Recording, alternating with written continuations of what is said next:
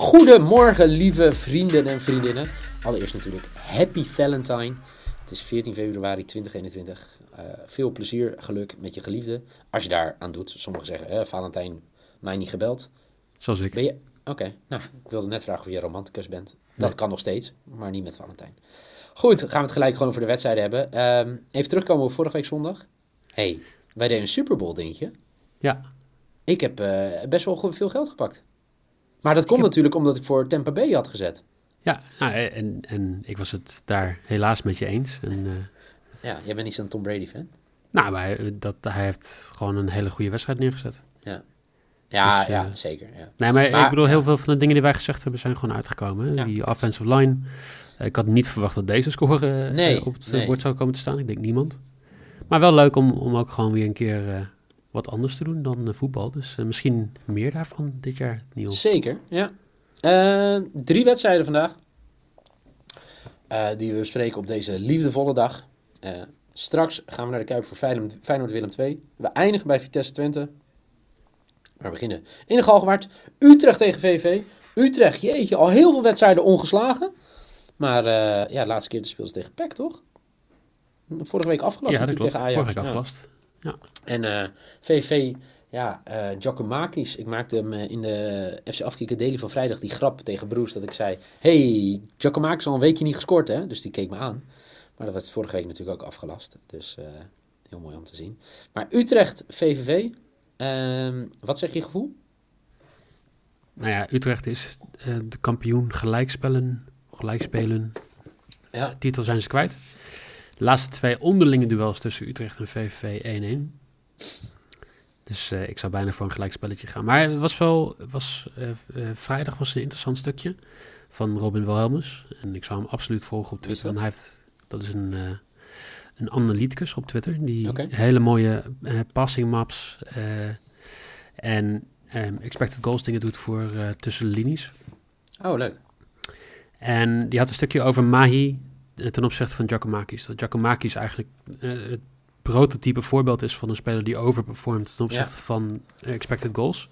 Dus zijn non-penalty expected goals, dus alle expected goals min de penalties die hij neemt, Ja. die staat op 8,46 en hij heeft er 15 gescoord dit seizoen. Dan heb je Mahi en die heeft compleet andersom.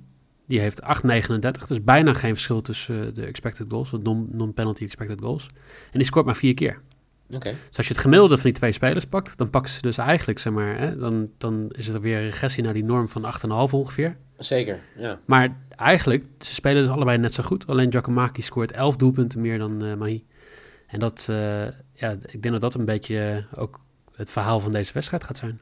Oké. Dus, wat wordt je bed als ik het zo hoor? Nou, ik zei net van eh, gelijkspel is een Ja. kans. De kwartering is best goed voor VVV om te winnen. Ja. Maar eh, het is voor mij eh, three-way handicap zondag. Oké, vertel. Dus bij alle wedstrijden een handicapje. En ik heb hier VVV plus 2 voor 1,87. Oeh, die is wel heel hoog, ja, zeker. Oké, dat is een hele mooie bed. Zeker. Ehm, ik heb een hele andere. Ik heb, eh, vond ik zelf ook wel goed gevonden. Heerenveen, of Heerenveen, VVV scoort minimaal één doelpunt voor 1,77. Oké. Nou, ook leuk toch? Lekker. Ja. Ik weet niet of ze gaan scoren, maar dat, dat is te hopen voor 1,77. Dus eh, VVV, true score heet dat, voor 1,77. Lekker. Eh, dus een penaltytje of zo, Giacomakis. Mag, mag ik nog even een shout-out doen naar de man met de meeste gele kaart in de Eredivisie? Vitor van Krooi. We missen je. En zo. Goed, gaan we gelijk door naar eh Feyenoord Willem II. Eh, Petrovic voor het eerst op de bank in de Kuip bij de andere partij. Hij zat natuurlijk eerder dit seizoen eh, gewoon bij Feyenoord op de bank. Maar Feyenoord Willem II. Feyenoord won toch best wel verrassend vorige week van PSV. En Willem II, oh oh oh, wat was die overwinning belangrijk hè, op Emmen op vrijdag vorige week. Dus Willem II klimt weer een beetje. Feyenoord, ja, toch wel even na een roerige periode de recht gerucht. Eh, De rug gerecht. de rug gerecht. Ik, ik, je, je hoorde de stilte dat ik dacht, hmm, dit klopt niet helemaal.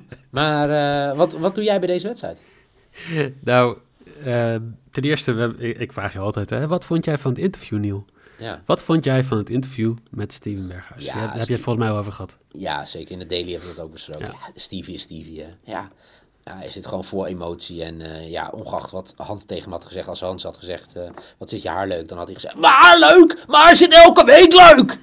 Eh, dus het had eigenlijk niet uitgemaakt wat hij zei. Ja, dat, dat was het ding eigenlijk. Dat, maar goed, om er gelijk door te pakken. Ik, ik ga Stevie gewoon in deze vorm. Ja, ik doe altijd mijn best! Ik loop altijd hard! Gaat hij deze week gewoon weer scoren. Dus ik heb Steven Berghuis de score voor 1,86. Ik, ik vind het heel leuk dat Willem II weer eens een keer gewonnen heeft. Maar met dat soort passie als een Berghuis, Ja. daar kan je gewoon niet tegenop. Bijlo is misschien weer terug deze wedstrijd. Ja, ja. Ik ben En dan heeft eh, Willem II weinig kans. Dus ik, eh, ik denk dat Feyenoord hier inderdaad gaat winnen.